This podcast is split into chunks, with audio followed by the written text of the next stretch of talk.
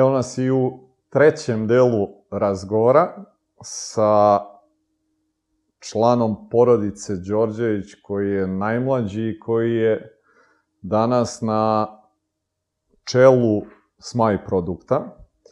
I neko ko je takođe prošao određeni put da bude danas gde je na mestu i poziciji na kojoj se nalazi i stvarno željno očekujemo da čujemo i njegovu priču, pa mi je ovako zadovoljstvo da vam predstavim mladog gospodina Jovana Đorđevića. Jovane, dobrodošao u serijal, hvala na gostoprimstvu ovde vašoj firmi porodičnoj i tebi da se zahvalim na tome. I e, negde su i tvoj otac i brat već pričali o Smaju, šta je to što vi sve radite. Ali evo možda i tebi da dam priliku, pošto je uvek zanimljivo čuti od nekoga ko upravlja firmom, kako on doživljava šta je to sve što firma radi, pa da dam i tebi priliku da, da ovaj, kažeš nešto o tome. E pa ovako, hvala prvo na pozivu, na gostoprinstvu, dobrodošli kod nas u firmi i pre svega velika mi je čast što mogu uopšte da pričam za ovu emisiju i sve, tako da ja kao najmlađi koji sam na čelu firme, put, da kažem, bio je takav da smo i ja i brat od malena krenuli bukvalno od nule. Kao da ništa nismo imali, kao da, da bukvalno ništa. I onda smo tako krenuli prvo s majstorima na montažama, na uzimanju mera, na bukvalno, da kažem, on od čekića smo krenuli. Mm -hmm. I onda tako postepeno, postepeno, postepeno do, do proizvodnje, onda svaka faza proizvodnje i evo sad, da kažem, do komercijale, do, do rukovodeće pozicije. Tako da, interesantno je to što uopšte nismo bili pošteđeni. Znači, kako radnici, tako i mi. Od početka do kraja. Od mm -hmm. pola osam ujutru do pola četiri mm -hmm. popodne. Znači, nikakve privilegije, povlastice, ništa. E, spominjali smo već negdje i Slaviša je spominjao dosta e, u, u onako nekom globalu šta je to što firma radi, koje su to zemlje Ali bi ja tebi svakako voleo da dam priliku, pošto smatram da je važno da naši ljudi i, znaju malo više o vašoj firmi. Ja sam to negdje i u uvodu sa Slavišom rekao da, da vi gotovo 90 i nešto posto vaše proizvodnje ide u neke strane zemlje i da ljudi ovde čak i ne znaju. Ti dam priliku da, da eto možda navedeš neke velike projekte i neke velike kompanije sa kojima sarađujete, da, da čisto steknu ljudi još malo dodatni utisak neki o vašoj firmi? Pa evo, kao što kažeš, mislim, mi smo skoro 95% izvozu. U Srbiji tu radimo možda 4-5 zgrada godišnje ili nekih manjih projekata, ali uglavnom smo sve u izvozu. 17 zemalja Evrope pokrivamo. Glavno tržište su nam za sada Nemačka, Švajcarska i Francuska. U Francuskoj imamo tu čast da, da radimo za Vansi grupu, koja je najveća građanska firma u svetu sa 150.000 radnika i 150 gradilišta u, u danu u Parizu. Sa njime, to sad trenutno imamo projekat od blizu 3000 prozora u centru Pariza i imamo sad uh, rekonstrukciju zamka Luja 13. Mm -hmm. Tako da to su neka dva projekta koje bi sad volio da, da naglasim i da kažem zato što ta čast da, da jedna mala firma iz Srbije, da kažem iz Lazarevog sela pokraj Niša, dobije taj posao i tu privilegiju da radi nešto tako, da kažem, istorijski bitno, jer taj zamak je 1638. godine napravljen. Tako da to je po meni da, ono, velika čast za početak da dobijemo taj projekat, da damo ponudu, a još veća čast i privilegija da, da radimo te prozore. I ja, pošto kao najmlađi koji najviše putujem, ugovaram poslove, obilazim, kad se pojavim tamo, kad vidim te objekte, kad vidim to sve kad pipnem prozor koji je kasnije namontiran, nekako kroz ruku osetim svu tu istoriju koja, koja je bila tu, tako da to je ne, ne, neprocenjiv, da kažem, osjećaj i sve. Isto moram da napomenem, u Beogradu pre nekih 4-5 godina kad sam prolazio i prolazim pored zgrade ministarstva spoljnih poslova. I onako vozim se i gledam kao, jao, kako su stari prozori, kako je bilo lepo da ih zamenimo, da, da stavimo naše prozore, da, da to bude. I eto, ukazala nam se prilika prošle godine da smo mi to završili, namontirali. Znači, završili smo pre tri meseca pre roka smo završili zgradu. Svi su bili oduševljeni prvo kvalitetom, a onda i brzinom koje smo to sve završili. Mm -hmm. Tako da, iako ne znaju toliko za nas u Srbiji, u Evropi su dosta čuli i dosta smo konkurentni svim velikim evropskim firmama koje prave prozore. Čak smo među tri firme u Evropi koje prave takozvana vuče usta. To je francuski sistem prozora gde krilo ulazi u krilo i to je specifično samo se na zamkove radi. Mm -hmm. Tako da je to ono što smo mi i želja nam je bila da se specializiramo za te stare prozore. Jer to u rekonstrukciji to kad tad mora da dođe vreme da se sve to zameni, da se rekonstruiše. I onda smo mi u to uložili alate, kupili mašine i spremni smo na, na bukvalno sve izazove da odgovorimo. Da li su to duborezi, lukovi neki kapitali, znači nemamo, da kažem, nikakve granice gde šta možemo i kako možemo mm -hmm. da mhm. napravimo. E, voleo bih i tebe da vrati malo, to sam i sa Aleksandrom negde uradio i ti si to negde delom ispomenuo uh, u te neke danje detinstva i toga da uh, te pitam šta ti je možda neko prvo sećanje na firmu koje imaš? Pa prvo sećanje na firmu je to ta neka poplava koja je bila. Jer mi smo svi tu bili, radili, dolazili kao deca, igrali se, sa radnicima, ponašali se s njima kao da su nam roditelji i bukvalno smo gledali kao porodicu celu firmu. Iako smo tada imali desetak, 15 radnika. Ali ta poplava koja je bila, koja se desila, to mi je ostalo u sećanju, to mislim, sad da je to loš trenutak koji se desio, ali svako bi, da kažem, i odustao i ne bi se više ni vratio tu, da napustio bi sve. Mm. Ali ja se sećam to i te radnike i sve, svi dođu, gledamo poplavu kako ulazi u u hale, čak i ceo šleper bio pod vodom. I svi oni stoju, stanemo tu na, na put, gledamo preko reke, reka se spusti, samo vučemo čizme, uđemo i čistimo sve. Preko noći kao da ništa nije bilo. Mm -hmm. I meni je ta motivacija, ta želja da se sve to očisti i krene bukvalno od nule, ono ostala mi urezana u, u sećanju da to ne mogu da, ono, -hmm. neprocenjivo je. Isto tako je bilo kad smo radili velike količine za Rusiju, bez mašina, bez ičega, bez opreme, mi se spremimo, krenemo, bukvalno su radnici samo kažu kupite nam samo šta da ručamo, ostajemo celu noć dok ne natovarimo kamion i idemo kući. I mi tu sa radnicima ceo dan, celu noć dok se ne natovari kamion ne ide niko kući. I niti se neko žalio da je posle to prebacio, da je tražio platu preko toga, neki dodatak, ne. Nego svi su želeli da to završe, da uspeju u tome i onda mm. posle, kažem, to je ta požrtvovanost i sve to je mm -hmm. veliki utjecaj stavilo na mene. Mm -hmm. Šta su bili u tim nekim dečačkim danima stvari koje si ti pripomagao ovde i je to bilo nešto što je bilo tvoja želja ili je to bila možda i neka obaveza koja je u tom trenutku nametnuta pod znacima navoda od roditelja? Pa, pošto su roditelji bukvalno celan bili u firmi, ja i brat kad odem u školu, vratimo se iz škole, da nismo kući sami dođemo ovde u firmu. I bukvalno smo se igrali, ja pamtim te dane kad sam uzmem čeki čeksere, sakrijem se u neki, neki ćošak negde i pravim nešto, neke igrice, nešto. Bukvalno sam se igrao sa salatima. I onda tako od igre, bukvalno sam zavolao to što radim, krenuo da pomažem radnicima, da nosim, da sve i onda je više to stvorila se ljubav prema drvetu, ne neka obaveza. I onda me to još više vezalo da naučim sve, da, da krenem od nule i mm. tako je sve, sve počelo. Znači mm. više ta ljubav nego neka obaveza koju su nam ili nametnuli roditelji ili ne. Mm -hmm. Oni nikad nisu rekli moraš to i to da radiš ili to, ne. Mm. Uvijek smo je brat sami došli i pomognemo, kažem, više ljubav. Mm -hmm. I e, ta neka ljubav je ona negde možda usmeravala i što se tvog školovanja tiče, šta ćeš upisati kao srednju školu nakon osnovne? Pa, u suštini volao sam drvo. I onda kako sam odrastao, sve više me vuklo to što otac i majka radu u kancelariji sa hemijskom, sa brojevima, sa papirima.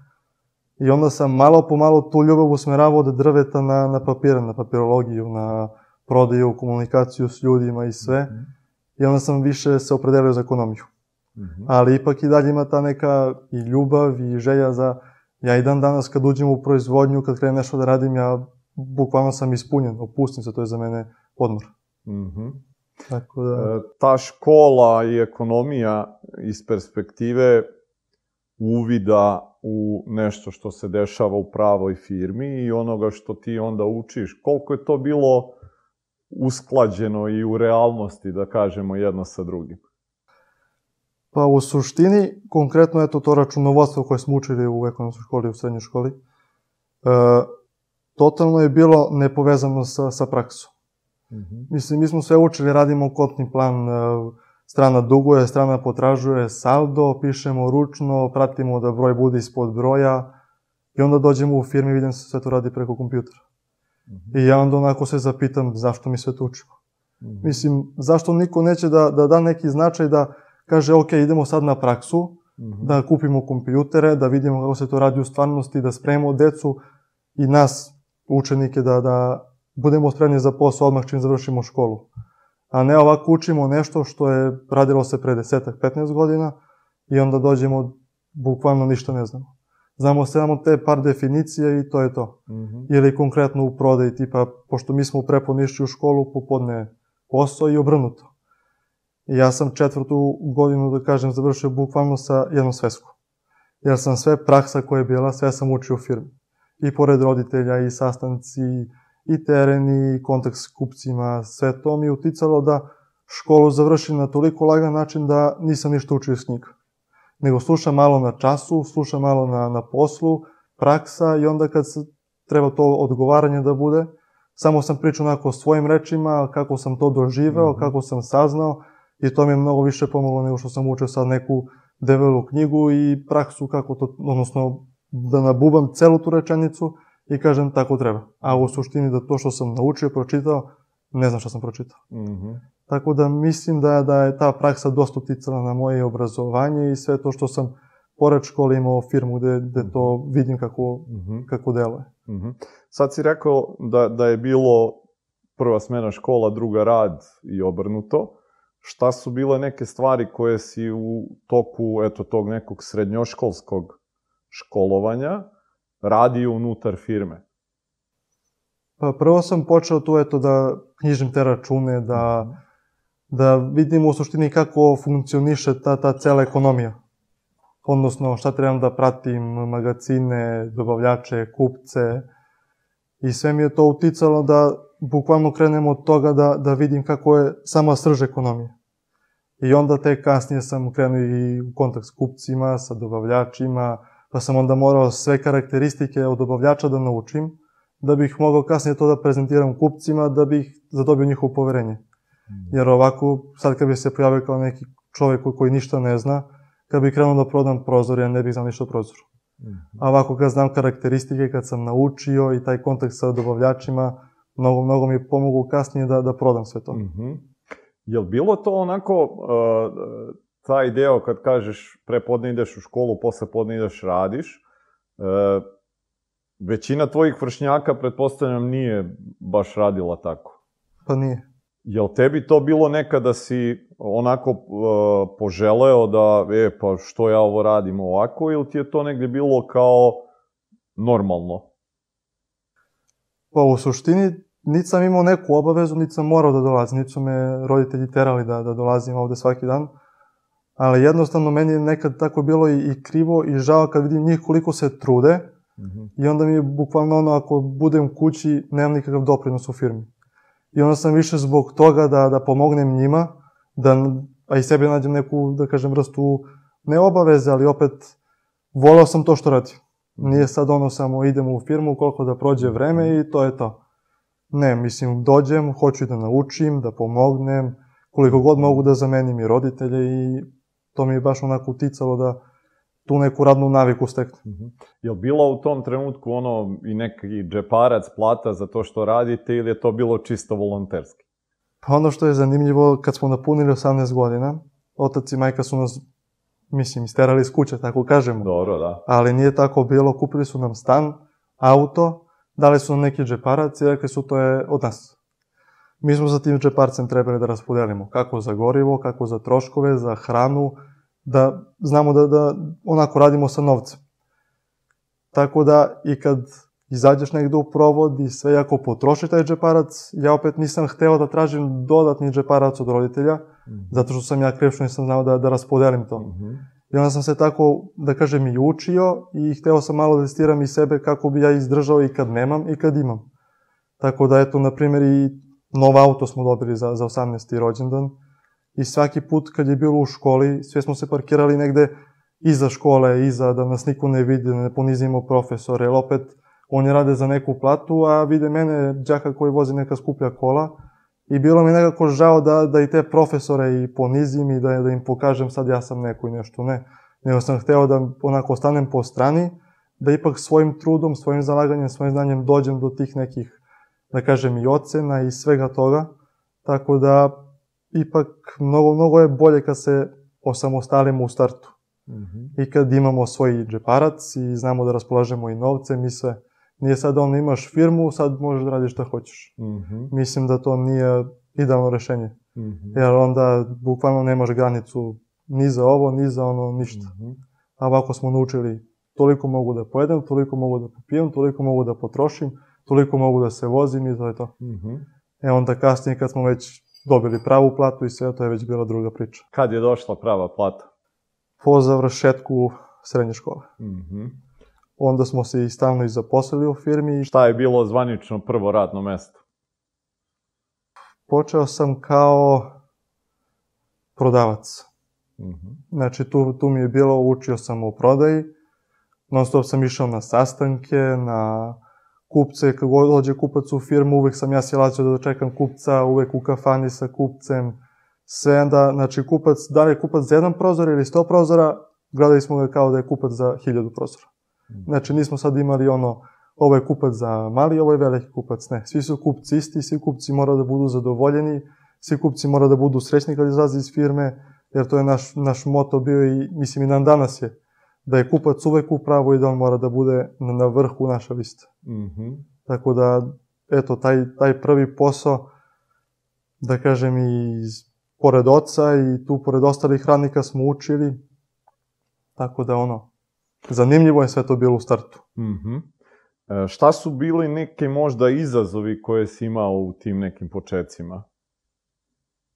Pa prvi izazov je bio taj što kad prodamo, da kažem, prozore, onda smo kasnije išli da uzimamo mere, konkretno ja. I onda to, da kažem, direktno iz komercijale, iz ekonomije, se susrećemo sa nečim gde trebaš da držiš metar u ruci, da trebaš da izmeriš, da kažem, jednu meru, drugu meru, da nacrtaš nešto brzinski, da sve to skiciraš. I to je za mene onako bio veliki, ono, bau. Međutim, to, naravno, prva greška je bila i najskuplja. Tako da, posle toga sam tri dana, tri noći bukvalno sanjao, radio na tome samo gde sam pogrešio, šta sam uradio, dok nisam skroz naučio. I onda je već kasnije to postalo, da kažem, pesma. Mm -hmm. Međutim, kasnije kako to, i kako je prolazilo i vreme, i rasla firma, i sve, onda smo išli više nas. I u prodaji, i u, da kažem, zauzimanju mera i sve, tako da kasnije se sve promenilo. Kasnije sam više ja, da kažem, i čutao i sve i onda puštao radnike da, da sve to završavaju. Ja se samo ubacim tako kad bude neka glavno pitanje i sve to. Tako da taj početak je interesantan jako. Šta je bila Slavišina reakcija na to kad si otišao, uzeo lošu meru? Jesu ti prozori napravljeni? Šta se uopšte desilo pa, pa je... Pa ti prozori, mislim, kao prvi problem bio je taj što nisu bili za Srbiju mm -hmm. nego su bili za Beč. Mm -hmm. Te prozore sam ja uzeo meru, sam sam bio, mm -hmm. vratio se, napravili prozore, isporučili prozore, došli na licu mesta, videli da se mere ne poklapaju. I to, mislim, bilo je možda za nekih 3-4 cm, ali opet to je mnogo. Ali otac s namerom da, da je sve to i prva greška i sve, čutao je. Mm -hmm. Mislim, onako, video sam da je bio ljut i sve, ali nije hteo da pokaže ali onako, nije mi se ljutio, ali mi je mirnim tonom rekao da to ne može tako, pa mi onda dao savete kako, mhm. šta treba da uradim. I onda sam ja kasnije to seo i počeo sam da analiziram kako sam napravio grešku, gledao mere, video i onda sam posle toga naučio i više mm -hmm. greška nije bilo. Mm -hmm. Kad si sad izvanično zaposlen bio u firmi, koliko je teško sa kolegama koji te možda znaju neki od njih i kao ono dečkića malog i bebu dok si još to trčkarao tu, koliko je teško uspostaviti sebe negde kao nekoga ko je sada odrastao čovek, ko je zaposlen u firmi, a s druge strane imaš eto možda neke ljude koji te i dalje gledaju kao nekog klinca. Pa, zanimljivo je što smo svuda, znači idu radnici, idemo ja i brat. Mm -hmm. Ili samo ja ili samo brat. I kad god se pojavimo, mi smo sa njima, ono, jesmo, da kažem, sinovi vlasnika i sve, mm -hmm. ali opet gledaju na nas kao neko ko ništa ne zna.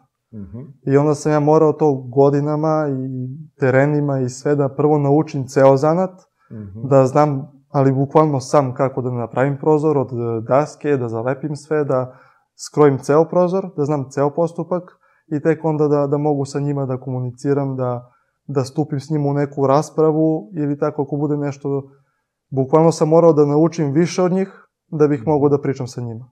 Jer tek su me tad prihvatili kad sam dobio neko znanje i kad znam šta i kako funkcioniše. Jer ovako dok nisam znao, onda oni mogu, ipak su to majstori, oni znaju svakakve i mhm. zavrzlame i sve i svakako i kad kažem oni nekako naprave i opet bude po njihovo. Međutim, sad kad sam već i naučio i kad se znamo, mislim, ceo postupak i sve, onda je mnogo drugačije. Onda već i stvaraju poštovanje i pitaju za savete i sve. Tako da ta starostna i granica i, ta razlika u godinama nije više neki problem ko, mm -hmm. koji se stvara. Mm -hmm. Ali jeste svakako nešto sa da, da, si morao... Jest, da, bio je, bio je veliki problem. Mm -hmm. Jer opet odemo i na uzimanju mera i kad odem sa njima i u razgovoru sa kupcima, ja krenem da pričam, oni se ubacuju. Opet i kupac vidi da oni više znaju od mene i onda slušaju njih. Mm -hmm. I onda sam ja morao baš zbog toga duplo više da učim, duplo više da radim, duplo više da se trudim i onda je tek posle toga došlo to da oni čute, a ja pričam. Mm -hmm. Tako da je veliki problem bio to u početku. Šta su možda još neke stvari koje si ti, pored toga što si morao da učiš o celom i svim procesima koji postoje unutar same firme, šta su možda još neke stvari koje si morao da menjaš kod sebe? Neke možda nove veštine da stekneš koje nisu sad direktno vezane za same možda procese ovaj koji već postoje? Pa mi smo imali tu neku, da kažem, tradiciju da kad odemo i na more i na zimovanje, na svaki odmor, kupimo neku knjigu ko što se tiče i ličnog razvoja i mm -hmm. odnosa sa drugim ljudima i govori tela i sve to. I onda sam ja preko tih knjiga počeo da učim i sve te druge situacije koje mogu da utiču da, da poboljšam i komunikaciju kako s radnicima, tako i sa, sa kupcima. Tako da su mi te knjige mnogo više pomogle nego sve to što sam, da kažem, učio i, i, kasnije i u školi ranije i sve. Mm -hmm. Je li bilo uopšte ičega u školi, ovaj, sad kad govoriš o, o tom delu prodaje, o komunikaciji, o uh, govoru tela, o svim tim nekim soft skillovima, ako ćemo tako da ih zovemo, da, da, da je e, bilo u tim školskim danima posvećeno i ole pažnje? Nije. Apsolutno ne. Sve je bilo samo ono praksa, mislim, buvamo, buvamo, buvamo, knjige stare deseta godina i to je to. Ništa praksa, ništa to treba ovako, ajde sad ću da budem kupac, vi meni prodajte mhm. nešto, ne, ništa od toga. Mhm. Sve je bilo samo ono, ovo je knjiga, naučite knjigu, to mora da znate. Mm. Kako je izgledao tvoj odnos sa bratom u toku samog i odrastanja i onda kad ste se obojica našli i unutar firme kao zaposleni? E, jel postojalo nekad ono dok ste odrasli među vama nekog rivaliteta ili ste uvek bili onako negde e, složni što se tiče donošenja odluka i tih nekih stvari i onda i kad ste ušli u firmu kako je taj vaš odnos izgledao i kako se razvijao? Pa u suštini mi smo još, da kažem, u osnovnoj školi znali eto, ko će šta da bude. Ja sam se bio opredelio za ekonomiju, a brat je volio arhitekturu. I onda, i kasnije u poslu, odmah smo se automatski odvojili. On je bio dole sa projektantima, ja sam bio gore sa, sa ekonomistima. Mm -hmm. Sa prodajem i svim tim. Tako da nismo imali sad neke, da kažem, ono, direktne sukobe. Ja ću ovo, ti ćeš ono, to ne treba tako, to treba ovako, ne. I onda, a kasnije sve te odluke koje smo donosili, koje su bile bitne, to dođemo, sednemo s ocem i onda nas trojica, svako kaže svoje mišljenje, onda obrazlo, svako ide da obrazloži, obrazloži svoje mišljenje, svako kaže to ja mislim treba tako, i onda saslušamo svi trojica svakog i onda kažemo ok, uzimamo od ovog to, od ovog to, od trećeg to. I onda smo tako donosili odluke. Nikad nismo ono, da budemo direktno u nekom rivalstvu, kontaktu, mm. da se sukobljavamo, ne. Mm -hmm. Jer odac nas je učio da, da uvek se nas dva brata pomažemo. Koliko god teška situacija je bila i sve, uvek je bilo to da prvo nas dvojica budemo stabilni, da se ne svađamo, ne postoji nikakva rivalitet između nas ničeg, i onda tek ostalo možemo i da rušimo i planine i sve. Mm. Jer opet nas dvojica, kad smo zajedno, nema ništa reći od nas. Mm. Jer niko ne može ni bolje da te sasluša ni od porodice, ni od brata, oca, majke. Mm -hmm. Tako da to što, što, smo, što nas je otac naučio i rekao da eto to, da kažemo, međusobno između nas bude, to je ono za, za, i za mene, a mislim i za brata ono vrh svega. Mm -hmm. Tako da nismo neki sad oni da se mi sukobljavamo, ja ću ovo, ti ćeš ono, to ne treba tako, to treba ovako i svako radi na svoju ruku i bude loše. Mm -hmm. Nego se uvek dogovaramo. Čak i sad kad su odvojene firme, uvek pozovemo, pitamo za mišljenje, tako da mm -hmm. nemamo ni tih problema sad čak kad su odvojene firme. Mm -hmm. Šta su možda pored toga još neke važne lekcije koje si kroz odrastanje i ovaj deo evo i nekog zrelog života naučio od svojih roditelja? Pa mislim da ta upornost koju su pre svega moji roditelji imali i što kažem zbog tih poplava, zbog svih tih problema, to, ta upornost mi je ono i podsticala da radim i sve i da budem uporan, da uvek istrajem do to što hoću. Nikad nije bilo ono krenem, pa ima neki problem, stanem, odustanem, ne. Nego smo uvek, barem ja konkretno, gurao do kraja, nisam se uopšte trudio da, da posustanem makar i to bilo loše, ali sam hteo da izguram to do kraja, da, da ta moja upornost uspe do kraja. Tako da bih tu upornost stavio na prvo mesto i to kao nešto što, što je za mene bila važna lekcija da, da naučim u životu. Mm -hmm. Jer ipak ta upornost se na kraju uvijek isplati. Mm -hmm. I to isto i, i da kažem i mašta. Mm -hmm. Jer to u suštini svako treba da mašta. Svako ima svoju neku maštu, neku svoju viziju koju treba da prati i konkretno za sebe sam imao i tu maštu i to sve sam uvijek želeo da uspem, da naučim sve o poslu, o ekonomiji, da se trudim da što više znam, da se što više usavršavam, kurseve, sve, sve, sve, samo da ta upornost i to budem to što sam zacrtao, da, da, da što više mhm. uspem u životu.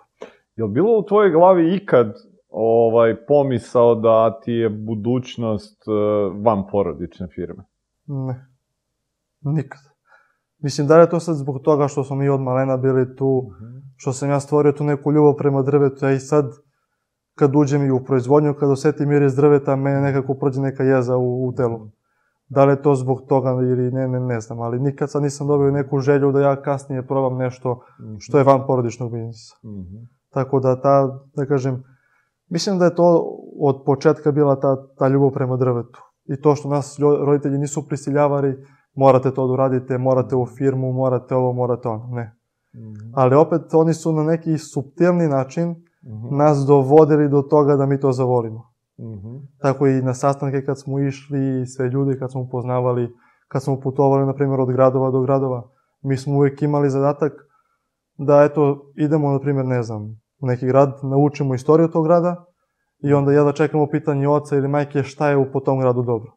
I onda ja i brat se takmičimo kao mm -hmm. ja znam više, ja znam više, ko je šta više naučio. Mm -hmm. Tako da je više to na neki, da kažem, društveni način uticalo na nas da, da naučimo se i o drvetu, i o proizvodu, o gradovima, o istoriji, o kulturi, nego ono mora, mora, mora, mora. Mm -hmm. Tako da mislim da je to više bitno da se ne prisiljava nekom da, da nešto mhm. uči, radi, nego da pa se prvo to zavoli, onda uz ljubav, uz sve, ti uspeš u tome što, što hoćeš. Mm -hmm kad je prošao taj neki inicijalni period sticanja tih nekih, ajde da kažemo, početnih znanja i zvaničnog zaposlenja, šta je bilo možda nešto sledeće što je Slaviša i, i Majka da su ti unutar same kompanije možda poverili kao neke nove obaveze? Pa prvo je išlo to da taj kontakt sa, sa kupcima, dogovor oko plaćanja, oko svim tim terminima koji su, mislim, jako bitni za firmu. I da se obezbedi i naplata, da se obezbede materijali i sve to. Tako da za mene je to prvo bila velika odgovornost. Jer opet ako to ja ne uspem da i obezbedim, mm -hmm. nabavim, onda cela firma stoji zbog mene. Mm -hmm. I onda sam se tu trudio da tu veliku odgovornost prihvatim kako treba, da se što više založim, da to sve uspe, da ne bude kasnije zbog mene stalo ovo, zbog mene stalo ono Tako da je to ta prva, da kažem, kontakt s novcem. Mhm. I onda da, da, da nabavim, dobavim novac u firmu, nabavim materijal, sve, da raspodelim sve to, da sa svima budem u kontaktu, to je, da kažem, neka prva već obaveza koju sam imao u firmi. Mhm. Pa, znači, direktan kontakt sa, sa novcem. Kako si se osjećao u tom trenutku kad ti je poverena ta onako ne baš mala jel, obaveza? Pa prvih desetak dana super. Mhm. Jer sam bio i srećan i zbog toga i sad sam ja, ono, imam novac, sve mogu, sve, najjači sam. Međutim, kasnije kad su krenuli prvi problemčići, sve to je već bilo ono, Mhm. kuku meni. Ali to kasnije i naučiš da se izboriš i sa dobavljačima, sa kupcima, kontakt, sve. Tako da je kasnije bilo mnogo lakše. Mhm. Nije sve tako lako kao što izgleda. Mhm. Jer ja se ono kad sam gledao, super, sad imam taj novac, podelit ću njima, podelit ću njima, meni ostane super. Mhm. A ovako kad su i veći projekti, onda delimo novac, sve, samo da nabavimo, da krenemo dok krenemo kolo. Mhm.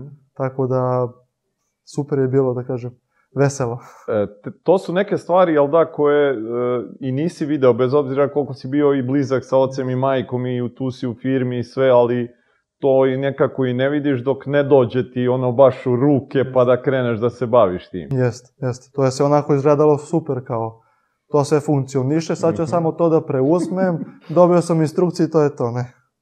Te kad sam krenuo, kad sam video, pratim instrukcije, onda za kasni plaćanje 2-3 dana, onda šta ću, kako ću, kako da kažem, kako da ovo, i onda je to kasnije već, ono kaže, prvih 10 dana super, onda 3 meseca loše i te kasnije bilo ono, ok, Mhm. snašao sam se. Koliko je trebalo, znači nekih... Pa, 3-4 meseca sigurno da, Mhm. da se ono uskladim, da uđem u tok, da sve to ono razumem kako funkcioniše i sve. Mhm. Tako da nije baš ono preko noći sam naučio, to je to. Ništa ne ide preko Ne, noći, jel da? E, to je, dakle, u tvom razvojnom onako negde segmentu bila nova stepenica. Koliko vremena možda prolazi pre nego što dobijaš opet neke nove dužnosti i ovlašćenja? Pa u suštini to je svakim danom išlo malo po malo. Mhm. Nije to sad ono sad si dobio ovo, pa Mhm. onda za 3-4 meseca ovo, ne. Nego to je sve bilo malo po malo. Otac kako je rasla firma, tako je meni prepuštao sve više i više obaveza, on se povlačio i onda sam ja tu morao da, da ono, Mhm. naučim i sam da se izborim, da pitam za mišljenje i sve. Mhm. Tako da, da to je sve išlo postepeno, nije ono Mhm. išlo sad prvo ovaj deo, pa Mhm. onaj, pa ovo, pa ono ne. Mhm. Nego sve postepeno onako. Mhm. Jel bila neka možda stvar koja ti je bila, ako gledamo sad po težini, nešto što ti je bilo najizazovnije u nekom trenutku, neki možda specifično težak moment koji si imao da neke stvari kreneš da hendluješ?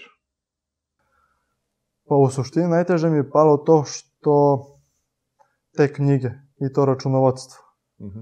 Jer sve mi u školi što smo učili, to je sve bilo, da kažem, ono, samo bubaš, bubaš i to je to. Mhm.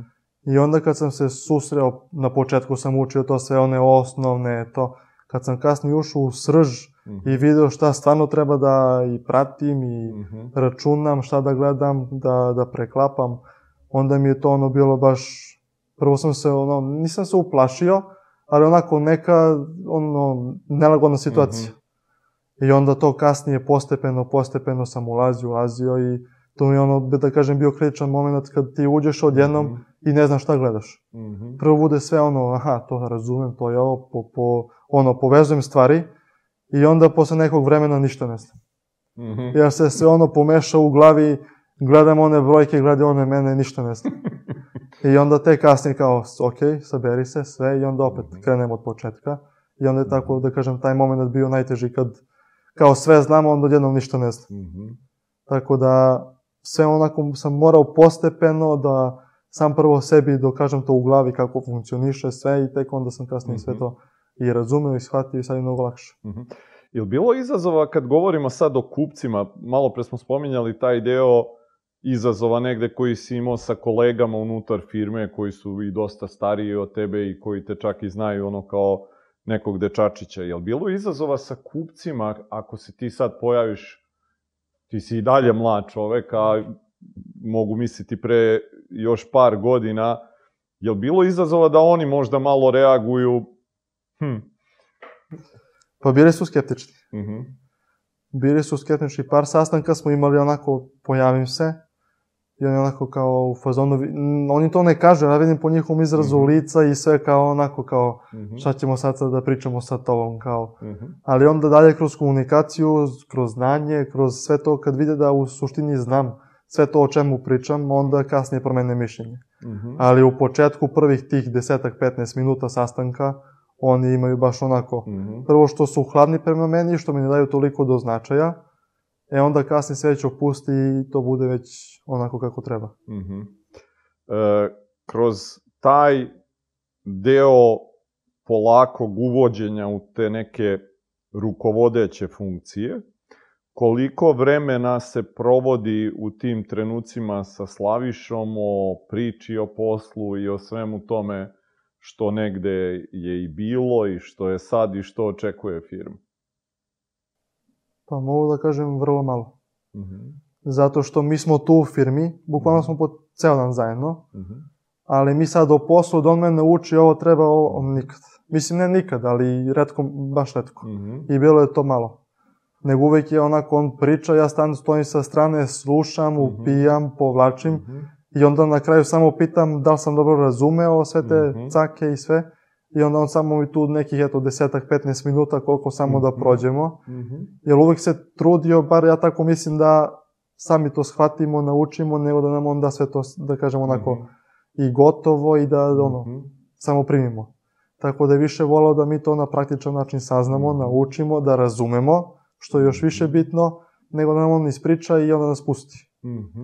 Tako da mislim da je više volao da to mi pored njega naučimo, slušamo i da to primenimo. Kad je došlo do trenutka da e, Slaviša počinje da razgovara sa tobom, da želi da prepusti tebi većinski upravljanje celom firmom? I kako se ti osjećaš u tom trenutku kad ti oni kaže tako nešto, jel to opet ono sreća, jel malo frka? Ili kakvo je osjećanje? pa to sve kad je bilo to, opet kažem, sedeli smo nas trojica, Mhm. ja, brat i otac, i onda smo se tu dogovarali ko će šta, kako će. I brat je, pošto je volao arhitekturu, on je hteo da i crtao je i kuće, da kažem, modelovao, bukvalno znao svake te detalje za kuće i onda smo se tako i odvojili. Mhm. A pošto je jednostavno bio u prodaji, u proizvodnji, i onda smo se tako, da kažem, i dogovorili da, da podelimo firme. Međutim, onda kad je to sve bilo podela, sve je bilo super, i onda opet kažem, to ta sreća da, da opet ja nasledim tu firmu, da trebam da je usavršavam i sve, sve je bilo super, ali opet posle par dana opet bila frka kao ja, kako ću sad ovo, Mhm. kako ono. Tako da uvek je bila ta sreća prvih, ajde nek bude desetak i dana, minuta, sve, ali onda kasnije kreće onako malo frka, malo da, da se onako kao, ne da se plašim, ali kao kako ću sad ovo, kako ono, Mhm. Da li ja to znam, da li ne znam, tu počne onako da se lomi u meni, ali onda kasnije kažem, ok, smiri se, sve je to normalno, kao i do sad što je funkcionisalo, sve, ništa se nije promenilo, samo je to veći deo i obaveza i funkcija i sve, i onda sam tako, da kažem, opet sve postepeno išao, nije to sve onako preko Mhm. noći krenulo, nego Jasno. sve ono postepeno. Mhm. Tako da i sreća i, da kažem, sve. Emocije su bile pomešane. Koliko se često ono e, u celom ovom procesu tu javljala ta sumnja, taj neki glasić, eto sad što si rekao, koji se pojavi, pa, pa da moraš da kažeš sebi, je, stani, smiri se. Je lako izboriti se sa tom nekom sumnjom? Pa i nije baš. Mhm. Jer opet, ja kažem, firma kad je bila i velika i sve, i onda ti u jednom trenutku znaš kako funkcioniše sve, u toku si, znaš sve šta se dešava, trenutno stanje sve, ali sama pomisao na to da ti stojiš iza toga, da sve zavisi od tebe, u jednom trenutku dođe to nešto da u, u tebi kao da, da se lomiš. I onda sam sa sobom trebaš da prelomiš, ok, ili ću da, kažem, neću to da radim, odustajem, radit ću kao radnik, Mhm. radit ću za platu, ne zanima me odgovornost, ne zanima me Mhm. ništa. I ona druga strana, to mora tako, prihvati, ideš dalje, guraš, upornost, moraš da istraješ i Mhm. sve. I onda sam se ja više opredelio za to, jer opet ta upornost koju smo imali od, Mhm. od malena koju nas je učila i otac i majka i onda me to pobedilo u meni i tako sam krenuo da, da ono, prelomim u sebi, da, da Mhm. preuzmem i firmu, odgovornost i sve. Mhm. Kad e, gledaš onako danas te neke odluke koje donosiš i neke koje si donosio i u prošlosti, koliko ima analitike, koliko ima intuicije? A dok sam naučio intuiciju, više je bila analitika. To je bilo ranije. Ali sad već kako upoznajem i ljude i kako već imam i taj neki osjećaj i sve više intuicija, Mhm. mislim tu i analitika, ne mogu Mhm. da kažem, ali je možda odnos 60-40 za intuiciju. Mhm. Znači 60% intuicija, 40% analitike. Mhm. Jer opet volim da na taj prvi osjećaj donesem i odluku i sve. I ja već imam odluku u glavi, ali volim da se preispitam, da sve to ispitam, da vidim kako je, šta je. I onda ako se pokloni Mhm. sve, to je onda da kažem ono, kraj. Mhm. Koliko danas ima konsultacija sa ocem oko nekih operativnih stvari, oko bilo čega što je vezano za dnevno poslovanje, recimo da kažem?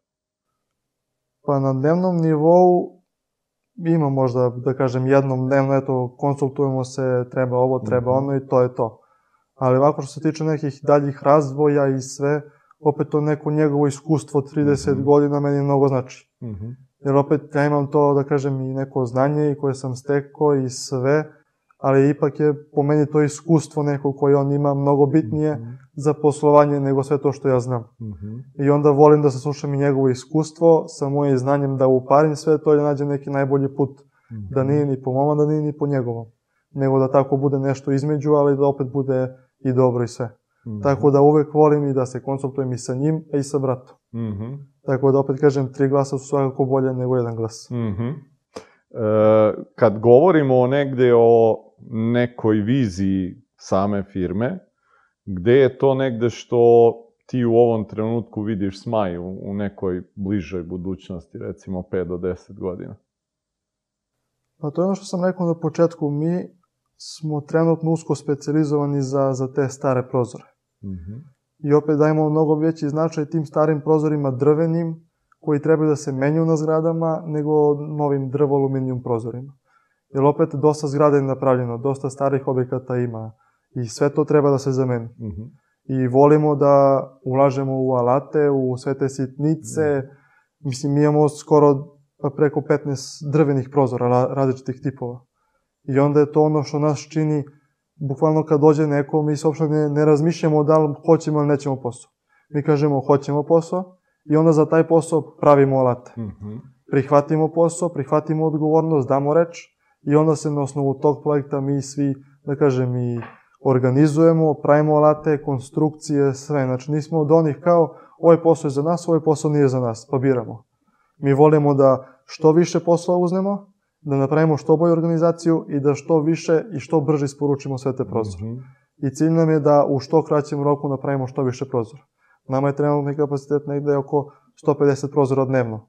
Što znači da mi u suštini te veće objekte zadovolja, zadovoljimo na neku brzinu na koju oni nisu ni, ni svesni. Čak i kad kažemo, oni su onako podsmevaju i kažu, ha, to je nemoguće. Tako je, na primjer, priča bila i za Ministarstvo spodnjih poslova kad smo radili u Beogradu. Mhm. Bilo je negde oko 600 prozora. Rok je bio 4 meseca za izradu i montažu prozora. Mi smo sve to završili za 2 meseca. I ja kad sam bio na sastanku, kad sam rekao da pravimo 150 prozora dnevno, oni su svi bili u šoku. Nisu verovali. Tek kad smo završili sve, ispoštovali rok, sve, oni su rekli svaka čast. Tek su tad, ono, dobili i veru i poverenje u nas i vidjeli da smo stvarno ozbiljni.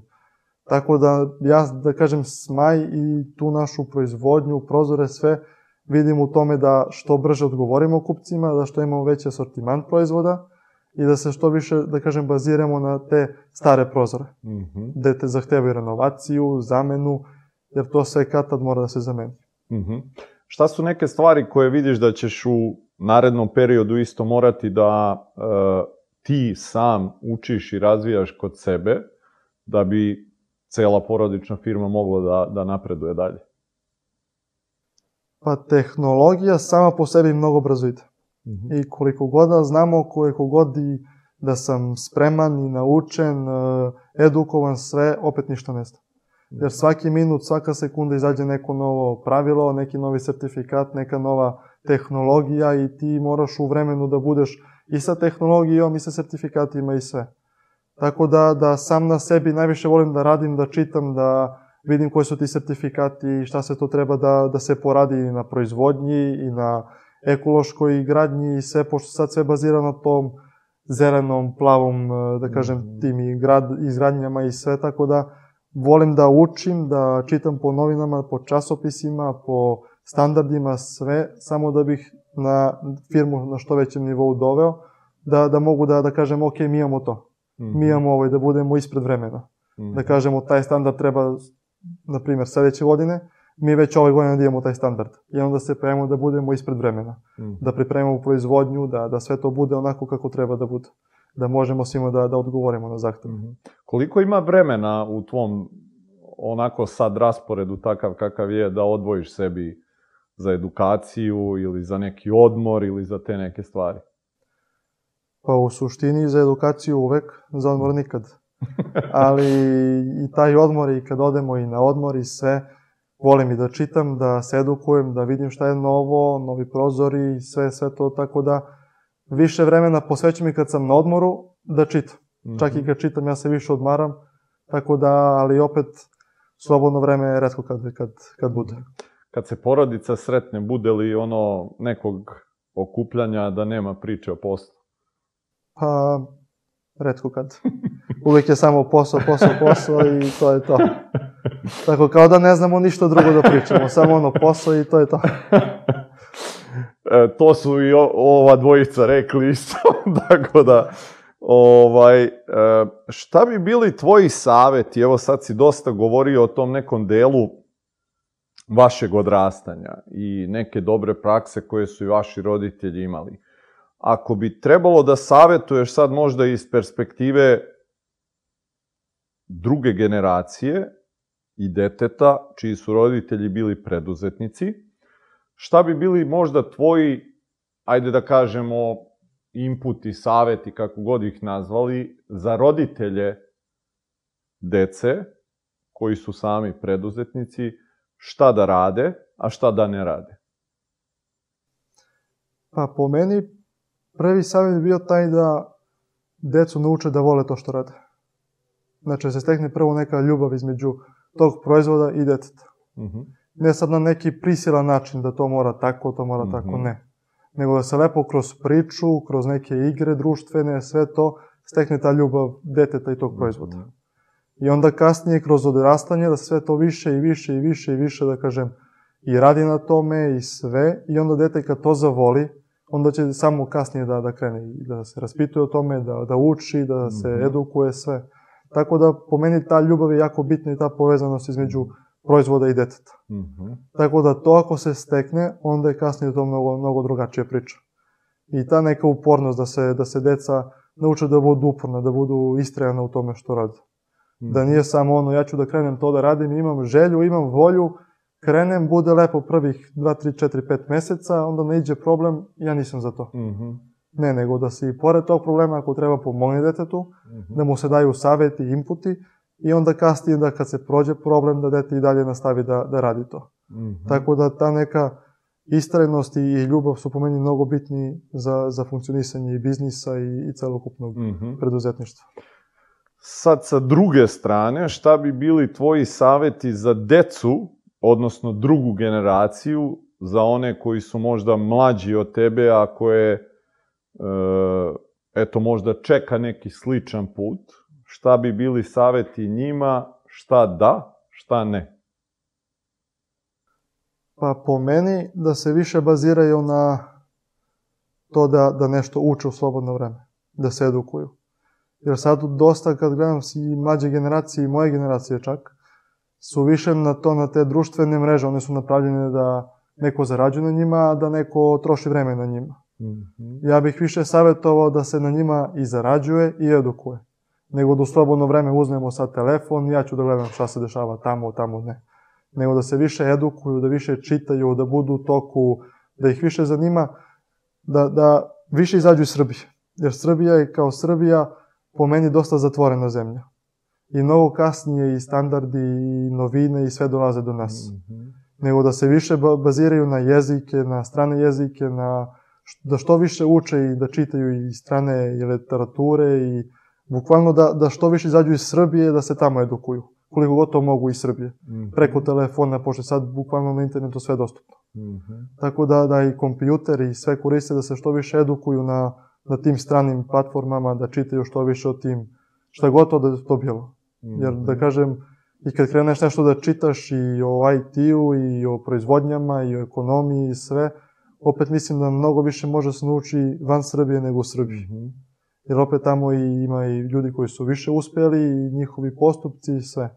Tako da bih se, da bih dao savet da, da se više edukuju, da čitaju, da, da se obrazuju više. Mm -hmm. Da se ne uzaju toliko u školu, da, da će u školi da nauče sad mm -hmm. sve, da oni postanu direktori i sve. Mm -hmm. Nego da se uče da, da moraju da krenu od nečega, to jest od ništa, i da sve to polako, polako, polako nadograđuju. Da nije sve palo preko noći, da, da mora svojim radom, trudom, istrajnošću, ljubavlju, sve da, da ulože, da naprave nešto. Mm -hmm. Koliko je tebi to što si imao priliku da eto rano ideš na ta putovanja van Srbije e, dalo eto tu neku širinu i možda i tu neku sliku da nije van baš sve ono ni da cvetaju ruže tek tako i da nije ova naša Srbija ni toliko loša uopšte ko što mnogi misle i pričaju. Pa u početku nama je još otac to dok je bilo, on je pričao da je nama parola da proizvodimo u Srbiji da plasiramo za Evropu. I sve to što i kad odemo i na montažu, kad upoznamo sve te ljude, kad vidimo njihovu kulturu, načine kako razmišljaju, kako se edukuju, meni je to mnogo značilo. Mm. Jer sam ja to svaki put, to naše putovanje, iskoristimo tako što odemo, nakon svakog povratka mi ili u putu ako idemo avionom ili kad se vratimo u firmi i kući, pravimo zapisnik šta je kad bilo, mm -hmm. kako je bilo, kakav je taj čovek, kakav je ovaj čovek, našu procenu tih ljudi, sve šta smo videli, šta smo zapazili, šta je dobro, šta nije mm -hmm. dobro. I onda smo to primenjivali kod nas u firmi. Mm -hmm. I onda smo tako, da kažem, i sve te nove proizvode i sve mi videli tako što smo otišli u Italiju. Mm -hmm. Konkretno u Italiju, zato što i mašine i sve nam je uglavnom iz Italije. I kad odemo u Italiju, nikad nismo otišli onako, idemo u Italiju, šetam se, mislim, mi kažemo idemo se prošetamo. Mm -hmm. Ali ta naša šetnja se svodi na to da mi idemo, uđemo u firmu, gledamo kakva je mašina, kakav je prozor, gledamo prozore, gledamo boje, dizajn, sve i onda to mm. primenjujemo kod nas u firmi. Mm -hmm. Tako da to što sam imao priliku da izađem van Srbije, da vidim kako šta i funkcioniše, utiče, mnogo mi je značilo. Mm -hmm. Ja sam to kasnije primenjivao i onda sam u suštini ja koji putujem tamo, primenjivao njihove i standarde, da kažem i dizajn i sve i njima nudi ono što je tamo aktualno. Mm -hmm. Jer ja da sam ostao u Srbiji, nikad ne bih vidio šta je tamo aktualno, ne bih nudio nešto aktualno u Srbiji, a to je tamo skroz različito. Mm -hmm. I svaki proizvod i za Švajcarsku, i za Francusku, za Nemačku, za Austriju, svi prozori se razlikuju. Mm -hmm. Znači, svaka zemlja ima svoj proizvod. Mm -hmm. Nijedan prozor, prozor za Austriju ne možemo da prodamo u Švajcarskoj niti prozori švajcarski možemo da prodamo u Francuskoj. Mm -hmm. Znači sve se razlikuje. Mm -hmm. Ali opet i sva ta putovanja koje su bila i koje sam video kako je život tamo i sve, nikad ne bi me zamenio za Srbiju. Mm -hmm. Znači, i da mi nude ne znam nija koje bogatstvo i sve, nikad ne bi prešao da živim u Evropi. Mm -hmm. Uvijek bi živao tu u Srbiji, jer opet ta toplina, to druženje koje ima u Srbiji i to koliko su ljudi, mi možda jesmo i ovakvi, prgavi, mhm. arogantni i sve, i posvađamo se, opsujemo se sve, ali to je kratko trajno. Mm -hmm. Pomirimo se posle dan, dva, tri, pet ili zaboravimo, jer to je i posao i život i sve. Ali tamo, konkretno u Sloveniji, sedimo sa čovekom, sve super, sve odlično, sutra nam stiže prijava od njega zato što smo slikali taj objekat u Sloveniji. I mi ga pitamo kao, pa zašto? On kaže, pa nisi me pitao. A veče pre toga smo sedeli, pili, družili se sve i onda onako sam bio u fazonu, pa kako? Mm. Ili sam, na primjer, otišao do Francuske i onda sam čuo da se otac najavljuje kod sina 15 dana unapred da bi otišao kod posetu. Da, da poseti sina. Ja sam bio u fazonu kao to, mislim, ja ne bih mogao da zamislim da se meni otac i majka najave da 15 dana ranije će doći tad i tad u toliko, toliko kod mene. Nego jednostavno ako hoćeš da me vidiš ili hoću da te vidim, dođem, sednem u kola, tu sam i to je to. Tako da, što se tiče druženja, života, provoda i svega, Srbija je po meni broj jedan. Mhm. A što se tiče posla i svega toga, treba da se kradu i fazoni i sve iz Evrope, Mhm. ali da se posao pravi u Srbiji. Mhm. Jer je u Srbiji mnogo i lakše da se na, i pokrene biznis i napravi sve i tek onda se plasira sve to u Evropi. Mhm. Tako da je moje neko zapažanje da Mhm. sve što su u Evropi nije baš toliko bajno kao što pričaju, jake su i plate i sve. Mhm. Nije. Ali u Srbiji, po meni, život je mnogo bolji, mnogo lepši i društveni i nekako toploti je. Mhm. I kad izađeš i na kafu, ti u Srbiji imaš vreme i za kafu, da li hoćeš u 7 ujutru ili hoćeš u 1 uveče na kafu, ti imaš vreme za kafu. Mhm. A tamo to, to ne postoji. Mhm. Zanimljivi su mi ti zapisnici koje si spomenuo da ste morali da pravite. Je to morao svako od vas dvojice da pravi posebno ili ste zajedno pravili neki Posebno. zapisnik? Posebno. Svi posebno, da. Mhm. Čak i otac, to smo videli od oca. Jer on, putujemo mi s njim, on pravi zapisnik, ja i brat onako interesujemo se kao Mhm. zašto zapisnik, zašto sve. I onda zgleda i smeška se. I onda dođemo u firmu i on nam pročita zapisnik. Mhm. I onda kao to je mnogo bitno da bi vi kasnije, kad prođe neko vreme, Mhm. neki detalj, nešto ti treba, ti imaš to zapisano, Mhm. dok ti je sveža glava, nisi zaboravio ništa, imaš sve zapisano. Mhm. I onda ja i brat tako krenemo pomalo, pomalo. U prvom delu su ti zapisnici bili ono, u par rečenica i to je to. Krenuli smo tad i tad, stigli tad i tad, vreme bilo super i to je to.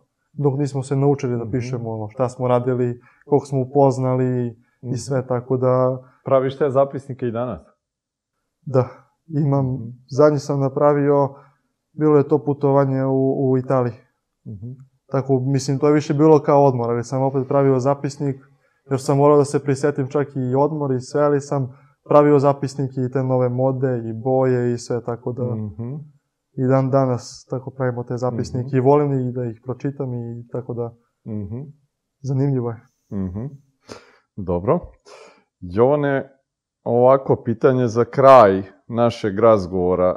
Tebe bih vratio u eto te možda neke dane dolaska samog u firmu i da možeš sebi da budeš sad neki mentor na kratko, da daš sebi možda neke savete koje smatraš da bi bili značajni Jovanu u tom trenutku, šta bi mu rekao?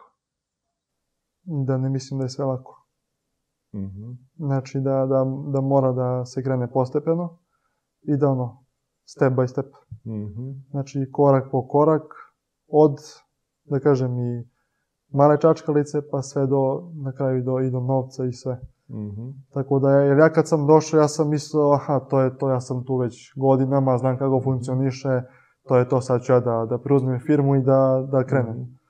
Nije, nije baš tako lako. Mhm. Jer kažem, sve to kad se gleda sa strane, to je super. I svi onako, a pa tebi je lako, kao ti ne moraš ni da radiš, ni ništa, kao imaš biznis, ti si gazda i to. Nije tako.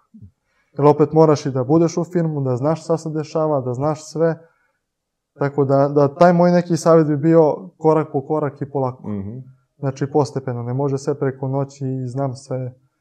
I koliko god da znaš, opet si nešto propustio Mhm. i non stop se vraćaš i učiš i vraćaš i učiš, tako da, da kažem, taj osnovni nivo, početni nivo je najbitniji za, za sve. Mhm. Jer kad imaš ti jaku podlogu, jako znanje, jako sve, onda kasnije možeš da radiš sve. Mhm. Jel bi poslušao taj Jovan tad, taj savjet? Ne bi.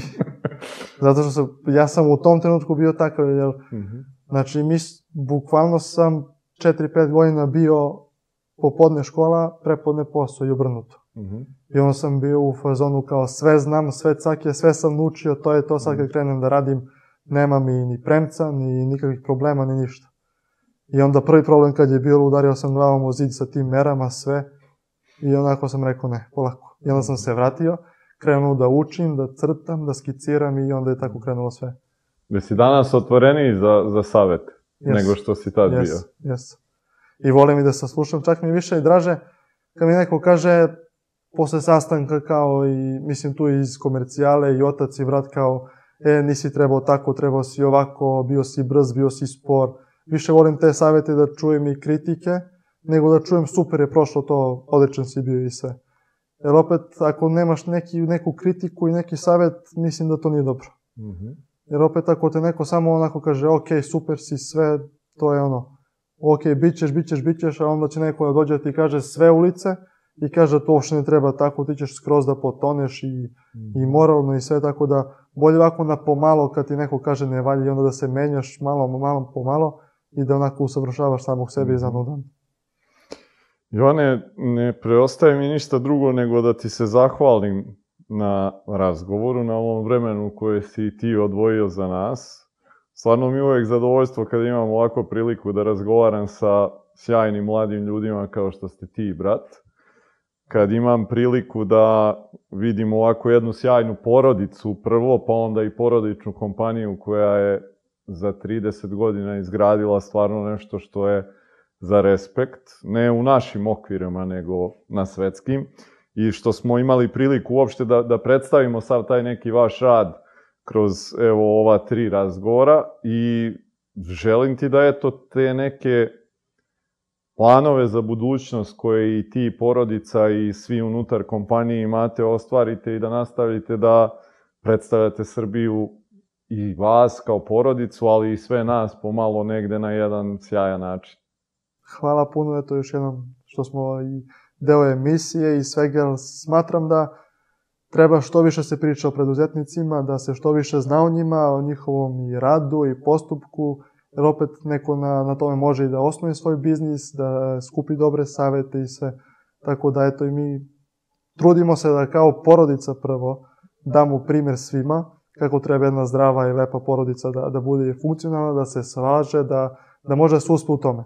Jer kad je porodica jaka, onda, onda je sve jako. Mm -hmm. Jer ti je porodica ta koja drži sve na, sve na okupu. Mm -hmm. Da je sad porodica, ne znam, ne daj Bože, mm -hmm. loša, to čisto su im i od biznisa bilo nešto. Mm -hmm. Tako da, opet kažem, savjet je da porodica bude na prvom mestu, da sve to bude jako, stabilno, da svi budu zadovoljni, da se sve zna, da sve bude otvoreno u porodici, da nema nikakvih ni skrivalica, ni što se tiče posla, ni života, ničega i da tek onda tad kreće pravi uspeh i mhm. pravo zadovoljstvo. Eto, prave reči, ja mislim da, da završimo ovaj razgovor. Hvala ti puno još jednom. Hvala i vama što ste bili sa nama, pa se vidimo sledeće nedelje. Prijatno.